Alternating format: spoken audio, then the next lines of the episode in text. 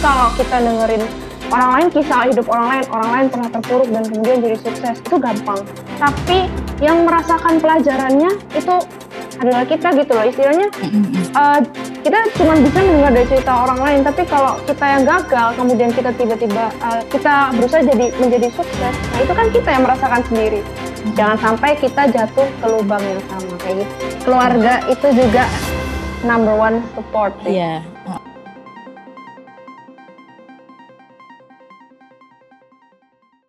Halo semua, selamat datang di podcast Kandela Asa. Aku Hikmah dan di sini aku sama Kak Syafa. Halo Kak Syafa. Halo, halo. Halo Hikmah. Okay. Halo teman-teman semua. Nah, oke. Okay. Jadi uh, perkenalkan aku Hikmah dan aku kuliah di UI jurusan broadcasting atau penyiaran multimedia. Dan aku masih maba nih, aku baru naik ke semester 2 Nah, kalau Kak Syafa gimana, Kak? Oh iya, ini perkenalan dulu ya berarti. Jadi, uh, iya. Perkenalkan, nama aku Safa Sania. Nah, kalian bisa panggil aku Sasa atau Safa juga boleh. Nah, aku sekarang uh, lagi kuliah di Universitas Brawijaya semester 4. Nah, aku di sini sebagai pemilik dari podcast mulai dari kamu, uh, podcast self development dan self healing gitu sih, Hikmah. Oke, keren banget. Uh, tunggu tunggu. Aku sebelumnya udah ngeliat uh, podcast kakak loh kak. oh beneran serius? Terus aku dengerin uh, yang tentang ini ya kayak apa ya tadi tuh tentang mental mental gitu gak sih? Apa salah ya? Iya bener. Bener-bener ya? Iya bener-bener. Okay. Ada, ada. macam-macam sih. Mm -hmm. Yang uh, pokoknya intinya dari kayak podcast mulai dari kamu tuh tentang podcast self development, self healing. Mm -hmm. Buat kalian yang lagi sedih atau gundah ya, kalian dengerin Dengerin. aja gitu podcast iya. mulai dari kamu. Iya. Apa tadi namanya kak? Podcast mulai dari kamu. Oke. Okay. Nah, aku dapet ini nih biodata Kak Syafa nih. Ini keren banget kayak ada juara satu, juara dua, juara dua, kayak ketua Karang Taruna, uh, terus manajer networking department kayak gitu-gitu kan. Nah, uh, aku seneng banget bisa apa ya di sini tuh jadi host di podcast ini. Kayak wow, narasumbernya tuh uh, apa ya keren banget gitu. Nah, aku eh nah kita bakal ngebahas sebentar. Aku akan cari dulu. Nah, kegagalan gitu kan. Jadi hari ini tuh uh, how to rise from failure gitu kan. Nah uh, kegagalan itu apa sih kak sebenarnya? Aku pengen nanya deh kegagalan dulu deh. Oke, okay, jadi menurut aku kegagalan itu adalah uh, ketidaksesuaian antara ekspektasi atau target yang ingin kita capai. Tapi bisa dibilang itu sebagai keadaan atau kondisi yang tidak sesuai dengan ekspektasi kita. Lebih ke itu sih, kayak sesuatu yang uh, kita berekspektasi terus tiba-tiba tidak sesuai gitu. Itu sih okay. kalau menurut jadi kayak kita udah ngebayangin hal yang lebih gitu ya daripada kenyataannya gitu ya? Ya benar-benar. Kita merasa gagal. Oke. Okay. Ya. Uh, oke oke. Nah terus ke, kemudian biasanya orang yang gagal akan mengalami kecewa yang sangat amat gitu kan. Kayak kecewanya banget gitu. Terus kalau misalnya kayak udah kecewa gitu kontrolnya gimana sih kak? Gitu. Dan soalnya kalau orang uh, terlanjur apa ya terlanjur stres gara-gara wah aku nggak dapat ini nih aku nggak bisa kayak gini dia udah kayak nggak eh, nggak uh, peduli lingkungan sekitar. Nah cara kita mengontrol itu kayak gimana gitu. Oke. okay. Uh, sebelumnya kalau kalian udah pernah dengar kegagalan itu adalah kesuksesan yang tertunda Ya, pernah dengar nggak sih? Iya benar benar benar. Nah, karena apa? Nah, saat kamu jatuh dan gagal, kamu akan berpikir kan, nah aku tuh salah di mana sih? Aku tuh kurang apa ya? Nah, sedih karena kecewa, karena gagal, itu wajar, wajar banget kalau kita sedih. Kamu mau marah, mau nangis, itu boleh. Nah, tapi setelah itu, coba kamu pikir lagi. Nah, apa sih yang membuat aku gagal? Apa aku kurang berusaha kah? Atau ada kesalahan kah? Nah, kita harus introspeksi. Nah, karena gagal itu adalah proses belajar. Kalau jatuh ya bangkit lagi gitu. Nah, hmm. kalau kedua nih, kalau misal suatu ketika kamu udah mencoba dan berusaha lagi tapi hasilnya sama aja, mungkin kamu sekarang coba memikirkan peluang lain. Uh, maksud aku tuh hidup itu alternatif gitu ya. Eh, ah benar hidup itu emang keras gitu tapi kita harus mm -hmm. lebih keras dari hidup jangan sampai kekecewaan dan ketakutan tuh menjadi penghalangan penghalang kamu untuk mencoba lagi gitu karena mm -hmm. orang sukses di luar sana itu gagal beribu-ribu kali tapi hmm. dengan gagal ada pelajaran yang tidak bisa kita dapat dari orang lain. Jadi intinya itu cara agar tidak larut dalam kegagalan itu kamu harus introspeksi dulu, lalu coba lagi. Kalau dirasa kurang membuahkan hasil, itu cari peluang lain. Gitu kak. Oke. Nah dari yang tadi udah Kak Syafa jelasin, Kak Syafa pernah ini gak sih pernah gagal gitu dalam melakukan suatu hal? Kalau aku, aku pernah gagal masuk uh, suatu PTN gitu. Aku contoh kayak gitu. Kalau Kak Syafa gimana? Nah itu bener banget tuh. Ini aku ada cerita sedikit ya. Okay, Jadi okay. seben sebenarnya itu dulu uh, mungkin ini permasalahan bisa uh, dialami dari peralihan SMA ke kuliah. Aku juga pernah mengalami masa itu di mana uh, pada saat aku dulu tuh aku bener-bener ambis banget pingin masuk PTN favorit itu istilahnya gitu PTN favorit yang aku pingin banget. Aku dulu jurusan IPA terus tiba-tiba aku udah belajar serius gitu SBMPTN nggak lolos uh, bahkan Aduh. ujian mandiri aja nggak lolos bener-bener. Aku bingung banget itu. Dan nah. akhirnya aku kuliah uh, di swasta satu semester. Dan akhirnya uh, walaupun aku kuliah itu aku jadi berpikir lagi nih. Aku pingin banget nih uh, masuk ke PTN gitu. Mm -hmm. jadi aku langsung berpikir nih oke okay, aku mau belajar lagi aku mau berusaha lagi. Dengan itu aku belajar lagi nih. Aku aku berusaha, ya, berusaha gimana cara iya benar dan akhirnya setelah aku tes SBMPTN lagi tahun depannya dan aku diterima di dua universitas yang berbeda di UI sama di UB dan aku udah bener-bener ngerasa itu bener-bener yang kayak wah ini uh, ternyata gitu ya? Uh, apa yang kita usahakan yakin pasti akan membuahkan membuahkan hasil. Aku dulu merasa uh, bahwa uh, dulu tuh kayak oh, aku aku dulu juga sempat gitu merasa kayak aku bisa nggak ya? Aku bisa nggak ya? Tapi aku tetap apa ya tetap kejar itu gitu tetap usaha gimana caranya. Aku akan aku yakin aku percaya akan berhasil. Karena aku membentuk mindset dalam diriku aku yakin aku bakal berhasil. Gitu hmm. sih kalau dari aku. Penting oh berarti yang penting mindset dulu ya kak. Kayak benar. wah wah gue harus bisa kayak gitu kan. Iya benar benar aku juga pernah banget tuh kegagalan gitu karena aku tuh orangnya di sekolah itu kayak nggak pinter akademik. Aku tuh nggak nggak terlalu suka lah. Jadi ketika ada uh, ujian-ujian yang kayak UTBK itu tuh aku udah stres banget karena udah udah pesimis gitu. Wah nggak bakal bisa nih gue udah udah fix fix gitu kan. Nah pas kelas 12 itu kayak aku tuh pengen siapa sih yang nggak pengen di PTN gitu kan? Apalagi rumah aku ya, itu dekat banget sama UI jadi kayak hmm. harapan orang tua aku tuh kayak udahlah UI aja. Sebenarnya tuh kayak ya siapa yang nggak mau gitu kan? Cuma caranya ya, itu gimana? Ya. nah kemudian aku uh, eh uh, tunggu sebentar kak. Kadang kan nggak suara piano? Uh, dikit dikit. Oh, nggak apa-apa kali ya? Uh, oke. Okay. nah uh, terus kayak sel uh, kayak aku udah kayak bimbel belajar dari pagi sampai malam kayak gitu kan.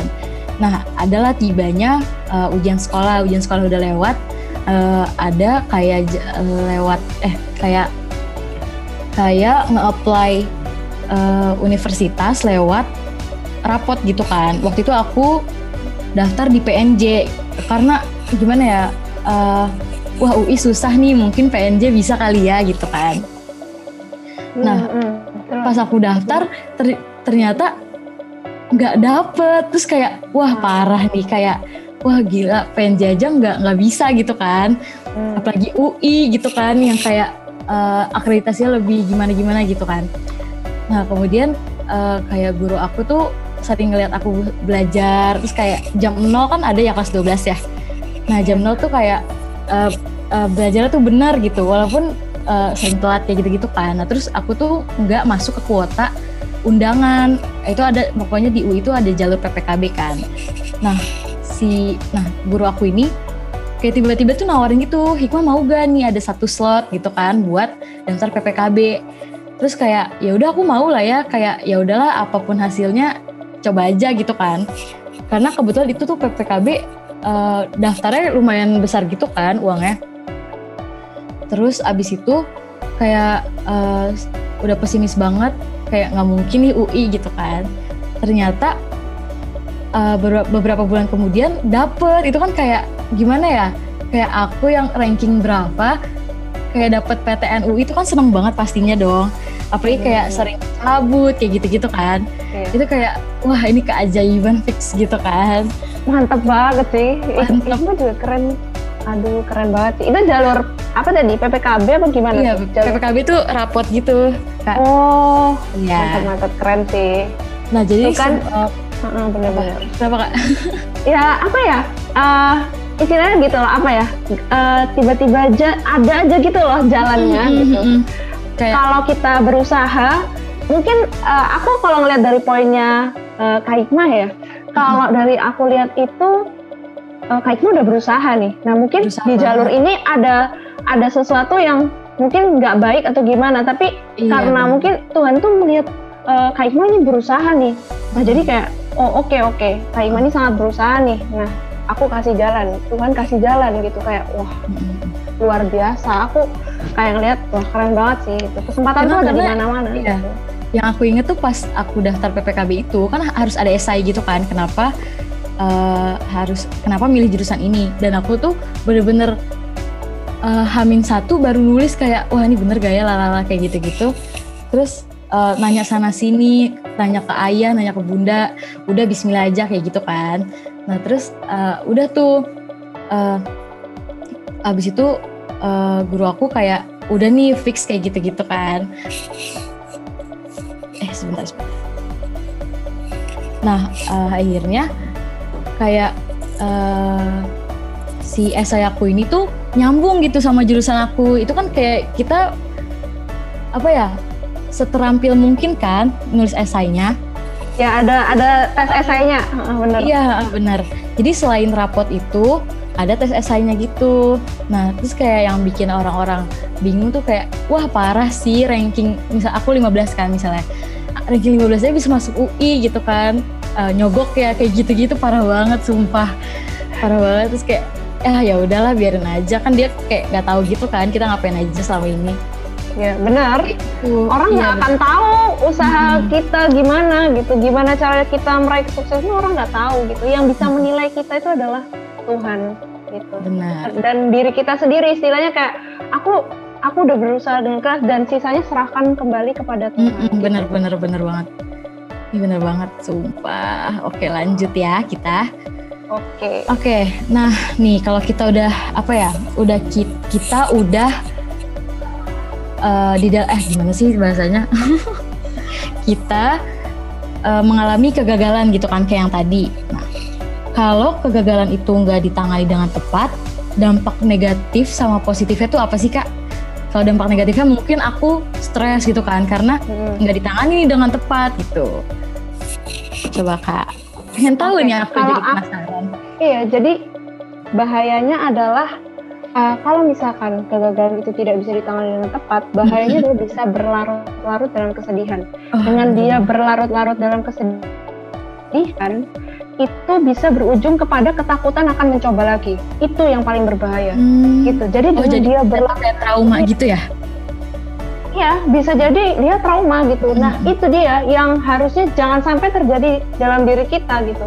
Hmm itu harus dihindari gitu. Kalau kita terlalu berat kesedihan kan nanti akhirnya kita kayak blaming mm -hmm. ourselves gitu loh kayak wah aku nggak bisa, wah aku nggak bisa. Jadi akhirnya uh, dia ngedown terus, dia ngedown terus, terus akhirnya nggak nyoba-nyoba gitu ya? Nggak uh -uh, nyoba, padahal peluang tuh sebenarnya banyak gitu. Mm -hmm, Walaupun bener, dia mungkin yang ini, yang ini dia gagal gitu. Dia bisa aja coba dengan jalur yang lain gitu. Dia bisa mm -hmm, aja bener. coba yang lain. Nah itu sih. Soalnya belum tentu baik gitu ya yang dia nah, jalani gitu. Uh, nah itu, nah itu sih. Nah tapi kalau misalkan kegagalan ini bisa kita tangani dan bisa uh, dimanfaatkan dengan hal-hal yang positif, itu mm-hmm. bisa jadi uh, pemicu semangat lagi untuk bangkit. Mm-hmm. Nah, benar, karena benar. karena kalau kita semangat, kita bisa melakukannya dengan senang hati. Misal nih, suatu ketika uh, kita merasa kayak ya mungkin kita bukan gagal sih, istilah kayak misal kita berproses nih, tiba-tiba kayak agak jenuh gitu.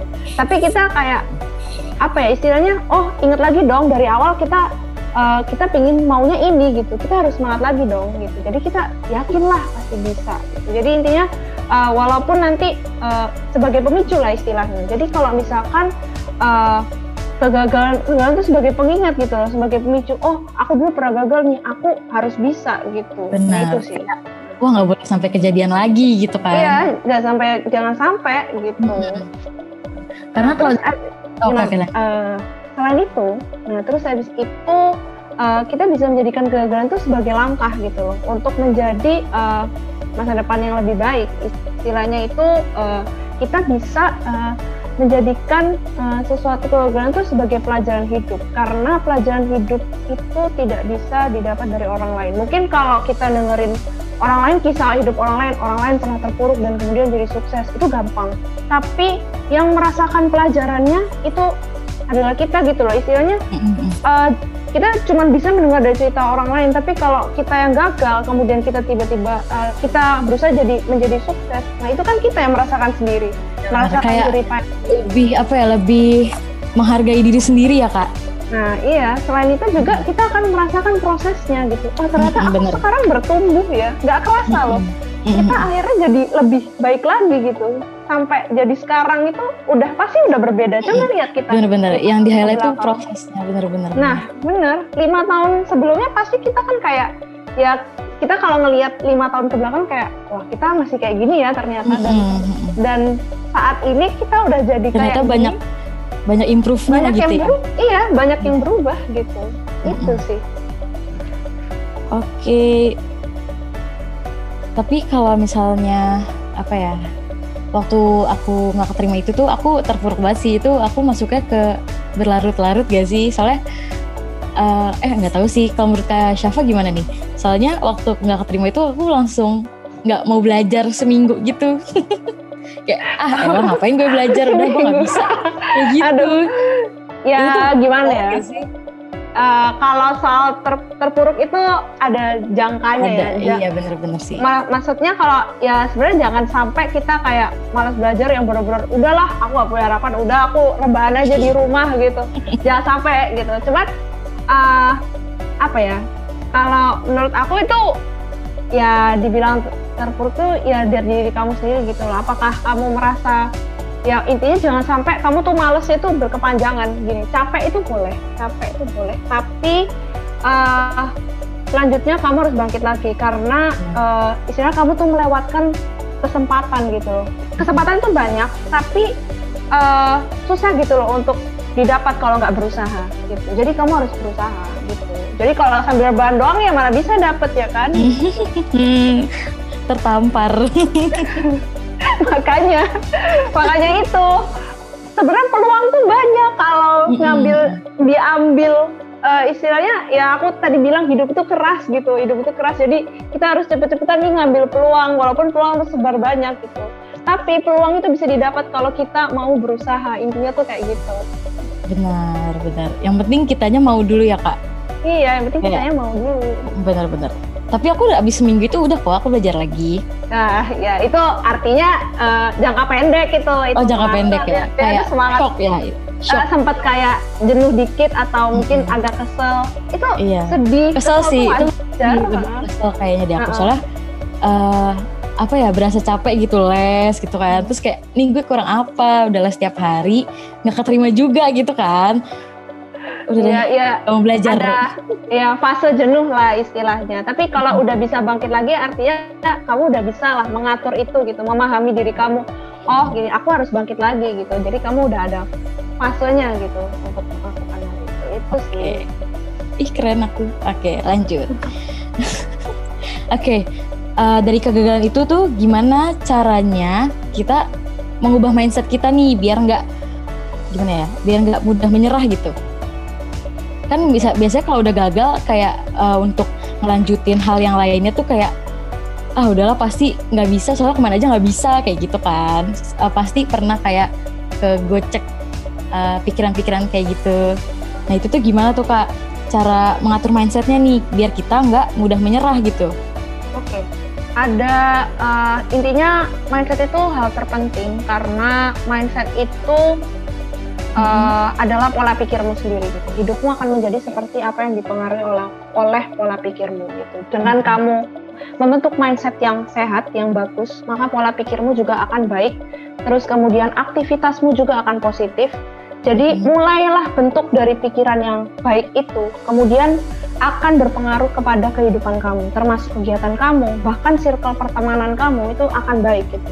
Karena dengan itu uh, kamu bisa uh, meraih kesuksesan kamu lewat uh, mindset itu yang pertama. Oke okay, benar. Nah, uh, ini ada uh, pola pikir yang bisa kamu terapin. Uh, yang pertama itu kamu menganggap bahwa kegagalan adalah proses pembelajaran. Ini, oh, iya. ini aku yang setuju banget.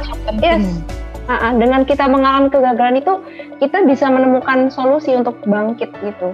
Nah, mm -hmm. terus kedua itu uh, membuat target keberhasilan untuk diri sendiri. Uh, intinya okay. jangan sampai kamu bandingkan dengan parameter keberhasilan orang lain. Itu aku hmm. bener-bener oh, kayak sering sih itu. Uh, uh, uh. Parah parah. Karena kita ngelihat gimana ya? uh, rumput tetangga selalu lebih, selalu hijau. ya, selalu kayak gitu. Jadi kalau insecure gak, ya. Jujur nggak akan ada habisnya ngelihat iya, orang bener, kayak bener. gitu. Yang yang ada tuh kita harusnya fokus sama diri kita sendiri. Apa yang bisa kita kembangkan gitu dalam diri kita gitu. Apa yang bisa uh, kita buat itu menjadi sebagai passion kita ke depannya kayak gitu. Dengan itu kita bisa membuat target keberhasilan kita sendiri. Terus selanjutnya itu kalian percaya kalau kalian itu mampu. Maksudnya uh, mampu untuk bangkit dari kegagalan. Dengan apa? Dengan cara uh, dengan kamu yakin itu kamu bisa uh, membuat istilah kayak sugesti ke otak kalian gitu kalau kalian itu bisa gitu. Pun kalau misalkan suatu ketika kalian mungkin gagal ya tapi kalian masih membuat sugesti wah aku bisa sukses nih. Iya, walaupun dalam segi ya hal ya. lain gitu. Uh, uh, itu. Nah, selanjutnya itu itu kamu harus percaya bahwa uh, tidak ada sesuatu yang instan. Soalnya uh, kebanyakan orang itu menganggap bahwa proses itu uh, tiba-tiba lihat orang sukses kayak wah dia dulu beberapa tahun yang lalu doang tuh itu cepet banget ya dia sukses. Awalnya hmm, dia kita kita nggak tahu gitu. ya. Iya eh tiba siapa tahu dia bener-bener kayak struggle banget dua tahunan hmm, tiga tahunan itu gitu. Kita nggak ada yang tahu di balik panggung kayak gimana gitu. Hmm, benar benar benar banget. jadi intinya kita harus percaya bahwa eh, nggak uh, ada sesuatu yang instan kecuali mie rebus mie rebus aja direbus tiga menit ya kan? Mm. ada prosesnya gitu. Jadi mm intinya kita harus merasa ini proses itu untuk menuju sukses adalah berjuang dulu baru mendapatkan oke okay, benar-benar iya benar. Iya bener-bener banget berjuang dulu. Itu sesuai pengalaman aku sih. Dan jangan apa tadi ya membandingkan dengan uh, orang lain. Itu yang paling penting nah. juga. Itu kadang-kadang tuh suka menghantui pikiran-pikiran anak muda nih khususnya. Kayak wah overthinking gitu kan? Iya benar. Iya jadi nah, kalau PR aduh. banget tuh parah. Nah, nah itu. Jadi kalau misalkan kayak lama-lama overthinking kan jadinya kayak ngedown gitu. Terus akhirnya ya hmm, susah lah buat berkembang. Karena cuma bisa mikirin kayak mikirin oh, orang tuh sukses banget ya, ya udahlah oh, akhirnya nggak bisa. Gitu. iya jangan sampai itu terjadi di konsep pemikiran kita gitu sih wah itu tapi itu sering terjadi sih. Di aku Iya itu yang uh, uh, gitu ya. Masih tanam uh, benar-benar. Labil tapi gimana ya? Uh, seiring waktu kita akan belajar. Harus belajar. Uh, benar-benar benar. Seiring waktu mau kita mau gitu ya kayak oh, benar oke okay, oke. Okay. nah dari kegagalan gitu kan. Nih kayaknya gagal mulu nih dari tadi. Emang gagal sih kita temanya. Nah kegagalan itu gimana nih kita cara memanfaatkan momen kegagalan? Emang bisa gitu dimanfaatkan? Gitu kak. Bisa kayak, dong. Gagal?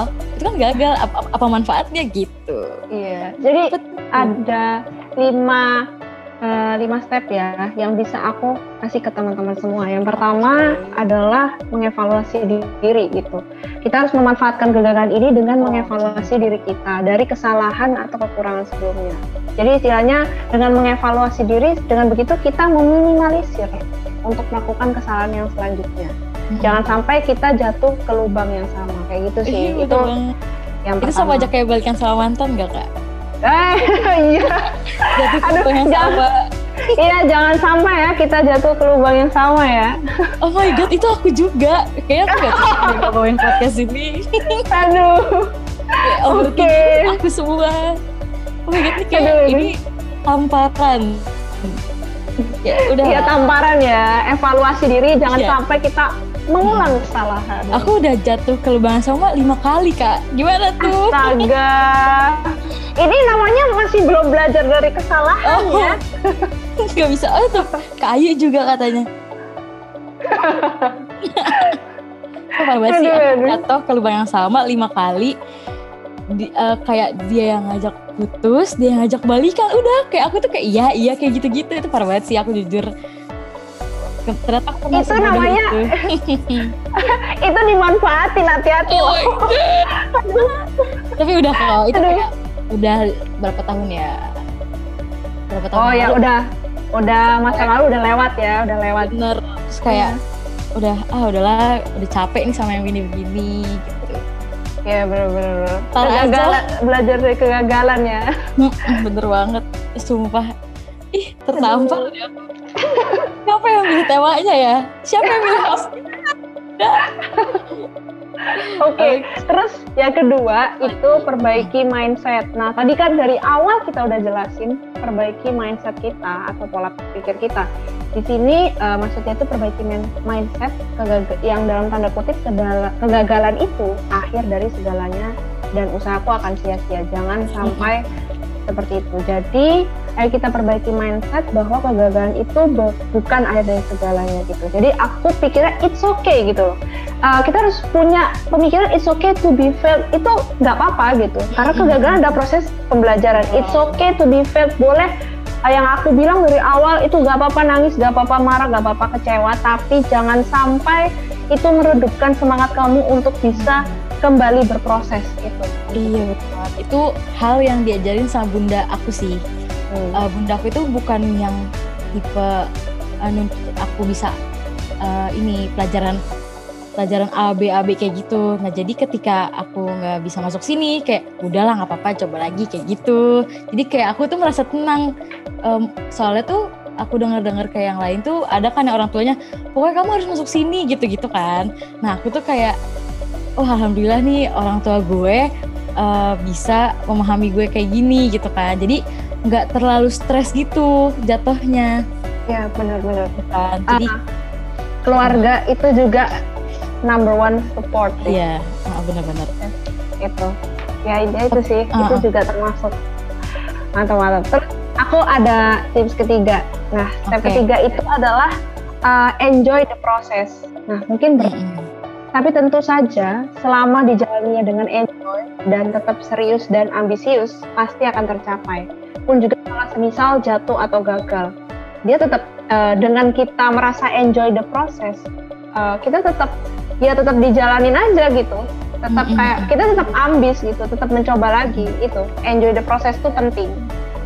Sambil kita hektik-hektik gitu, kita tetap kayak Ya enjoy, udah enjoy aja. nggak enjoy tapi enjoy tapi iya. enggak gitu. Enjoy itu dalam artian uh, kayak ya tetap serius gitu tetap uh, kayak nggak usah yang kayak pusing mikir aduh nanti gimana ya kalau misalkan aku gini nanti gimana kalau misalnya gitu. Jadi nggak usah yang kayak overthinking parah gitu no gitu. Hmm. oh no tidak tidak. Tidak bisa. tidak bisa itu. Tertampar tidak tertampar terlindas ya itu jadi okay, lanjut. emang harus kayak gitu nah terus selanjutnya adalah mengenali kemampuan diri sendiri dan yakin bahwa kita mampu dan bisa. Ini balik lagi ke mindset kamu gitu. Jadi hmm. mindset itu paling penting. Dengan menanamkan mindset bahwa kita yakin kita bisa. Nah, hmm. udahlah. Pasti. Soalnya itu mengarahkan kita ke mana nantinya gitu ya. Jadi kalau kita ya, bisa, bener. ya kita akan bisa. Kalau kita nggak, kita di mindset kita nggak bisa, kayak udah nggak bisa. Soalnya mindset kita tuh udah bilang enggak gitu kan ya kak yes yes benar banget oke okay. nah, terus yang terakhir ini penting dan utama yaitu berserah diri kepada Tuhan berdoa agar diberi jalan oh, iya ini ini ini paling penting dari semuanya ya. juga saat uh, kamu udah berjuang saat kamu udah melakukan semaksimal mungkin kamu udah berserah diri dan berdoa kepada Tuhan karena Tuhan Pasrah itu ya. memberi skenario yang terbaik ya mm -mm. jadi kita harus uh, selalu berpositif thinking terhadap rencana Tuhan. mungkin saat ini belum terkabul karena memang entah jalan yang nggak baik buat kita atau bahkan hmm. kita lagi disiapkan kejutan yang lebih indah Benar dari, dari hasil kerja keras kita. Jadi intinya adalah selalu berpositif thinking dan berserah diri dalam kutip setelah kita melakukan usaha ya itu. Itu hmm, sih. Bener banget. Itu tuh biasa kalau udah kelas uh, eh, 12 nih kayak aku gitu kemarin kelas 12, kelas 9 itu udah pasrah sih aku udah kayak mau belajar juga nggak bisa kan maksudnya kayak bisa cuma mengulang-ulang gitu kan. Kalau belajar dari awal kan udah nggak ada waktu udahlah pasrah aja gitu. Nah aku tuh pas, pas me, apa ujian apa ya pas apply PPKB itu aku puasa seminggu sama bunda aku tahu gak sih? Aku Waduh, puasa masya Allah. Udahlah udahlah. Tapi puasanya kayak emang niat ganti gitu kan. Ganti tapi sekalian. Ya emang pengen puasa gitu. Terus kayak uh, apa namanya kayak seminggu itu tuh kayak nggak tahu kuat gitu loh. Padahal kan kalau dipikir-pikir kayak aduh males banget nih seminggu bukan bulan Ramadan lagi kan. Jadi kayak wow tantangannya berat juga tuh seminggu puasa. Iya. Gitu. Kerasa kan proses untuk menuju iya. Terus kayak yang pas, diinginkan tuh berat. Uh, uh, bener banget. Terus pas uh, kayak diterima kayak wah parah. Kalau aku nggak puasa, kalau aku kayak nggak ibadah kayak gitu, mungkin hasilnya bakal beda gitu kan. Nah. kayak wah alhamdulillah banget ya. Jadi hmm. intinya emang kalau dilihat dari luar kesuksesan itu menyenangkan gitu. Tapi prosesnya memang susah. Tapi uh, hanya orang-orang yang memiliki mindset yang baik, mindset yang bagus untuk bisa meraih kesuksesan itu. Jadi kita hmm. harus mulai sekarang harus buat mindset yang baik untuk bisa menghadapi eh, rintangan-rintangan uh, untuk meraih kesuksesan. Benar banget. Banyak banget rintangan yang bakal kita lewati kan nanti. Hmm. Uh, oke. Okay. Oke, okay, apalagi ya kita kayaknya udah deh Kak. Apalagi yang belum kita bahas ya? Kayak aku nggak bisa. Eh, aku ada nih. Aku ada pesan nih buat. Oke. Okay. Oh, buat okay, ini. Buat yeah. sahabat kandas. Buat sahabat kan, yeah. sobat kan. Oke, okay, aku Apa tuh, tuh punya pesan buat sobat. Kansa. Buat kamu yang dengerin podcast ini, aku percaya suatu hari kamu akan berhasil. Bangkit Amin. dan jangan pernah merasa sendiri. Jadilah versi suksesmu dan ukir perjalanan hidupmu dengan penuh tantangan dan cerita suksesmu akan menanti. Aku yakin 100%. Wih, amin. Gitu. Itu kayak uh, lagi didoain deh aku. Amin. Ya, amin. Lu pokoknya buat siapa pun pendengar iya, buat semua kalian sukses, kalian bangkit mm -hmm. dan intinya apa ya? Berusaha terus gitu, berusaha terus, jangan pernah menyerah gitu. Bakal ada peluang-peluang di luar sana yang uh, bisa didapatkan jika kita berusaha itu. Mm -mm, Oke, okay, bener banget. Kalau saran dari aku apa ya? Yang paling penting ini sih, jangan jatuh di lubang yang sama. itu nah. udah, itu udah parah banget. Jangan ditiru. Aduh, ya tolong ya kalau sama mantan ya co coba dipikir-pikir kembali ya, diintrospeksi, dievaluasi. Udah nggak bisa deh, udah nggak bisa mikir deh. aduh aduh. Luar luar kendala gitu. Oke. Okay. Oke, kayak segitu dulu deh kak. Dari tadi kita udah kayak babi bu babi bu gitu kayak udah nyerocos aja nih. Oh, asik juga ya lama-lama. Maksudnya kayak uh, ternyata uh, aku tuh uh, bisa separah itu dulu, eh separah itu juga dulu gitu kan. Kayak tanpa aku sadari, wah ternyata aku udah buat uh, diri aku berubah dari yang gila parah kan itu dari uh, jatuh di lubang yang sama lima kali. Terus sampai sekarang aku nggak mau uh, gimana ya dekat sama seseorang kayak yang nggak pasti gitu loh. Kayak wah nggak deh males males males males kayak gitu. Ternyata kayak ya, itu aku tuh berubah. iya sih. Trau trauma itu bisa terjadi gitu. Tapi ya kalau menurut aku healing itu takes time. Ini ini beda ya ini beda konteks. Ini kalau dengan soal akademik dengan soal apa percintaan tuh beda banget sih. Kalau aku mikirnya gitu tapi healing tuh takes time jadi nggak usah buru-buru lah cari cowok serius. Oh, iya bener banget. Happy happy dulu aja. Yo dekat sama enggak ya, ya nggak gitu tapi ya pokoknya intinya selama kamu seneng dulu selama kamu istilahnya kayak healing dulu lah istilahnya hmm. nanti istirahat satu gitu saat rehat ya, ya suatu saat kamu akan menemukan yang tepat gitu. Benar gitu. banget benar banget. Oke okay. tuh pengen nangis dia Aduh, keren banget sih Hikmah. Aduh, semangat ya. Jadi eh, malu. ini udah ini udah selesai apa belum sih ini? Apa? Ini udah selesai apa belum? Belum. Belum. Oke, oke. Berarti udah ya. Kita sampai situ dulu. Apa? Mau tambah lagi? Eh, ini bahas soal, ini lama-lama bahas kepercintaan nih. Iya, jadi melenceng jauh. Emang gitu sih Nah, kalau iya. ngobrol. Kalau kalau ngobrol ayu ayu itu tiba-tiba kayak wah salah jalur. Tapi nggak apa lah. Kita uh, bawa enjoy aja seperti tadi ya tipsnya prosesnya. Iya, mantap. Oke, oke. Nah, buat sobat Kansa, terima kasih nih buat yang udah dengerin kita bahas kegagalan gitu kan. Karena kegagalan itu termasuk hal yang paling sering di dialami nih oleh orang-orang gitu kan ya Kak Syafa ya. Bener, bener. Nah, oke. Eh, oke, makasih juga. Aduh, aku bingung sih mau mau jawab apa karena aku udah eh, speechless gitu. Kayak wah, gila gue parah banget nih dulu udah nggak bisa. Oke, oke, oke. Eh, oke, makasih Kak Syafa atas waktunya, seru banget. Hmm, nanti aku mau juga, dengerin. Oke, nanti aku mau dengerin podcastnya nih. Kayak seru nih podcastnya Mantap. Iya, dengerin aja podcast mulai dari kamunya. Yuhu, Bisa oke. dicek di Spotify. Wih, keren banget. Oke. Nah, buat Sobat Kansa nih, yang dengerin, terima kasih banget. Dan sering-sering cek di IG Kandela Asa, karena sering ada klinik curhat nih. Ada klinik curhat, terus ada apa ya, tips-tips, kayak gitu tuh yang suka di-post sama uh, akun Kandela Asa. Jadi, jadi mending kalian uh, apa turn on notification gitu kan, biar nggak ketinggalan.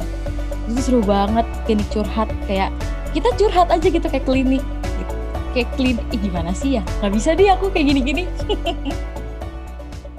udah oke pokoknya gitu aja ya kak kak Syafa makasih kak Syafa Oke, makasih Oke. juga. Siap. dadah dadah sobat kansa Dah.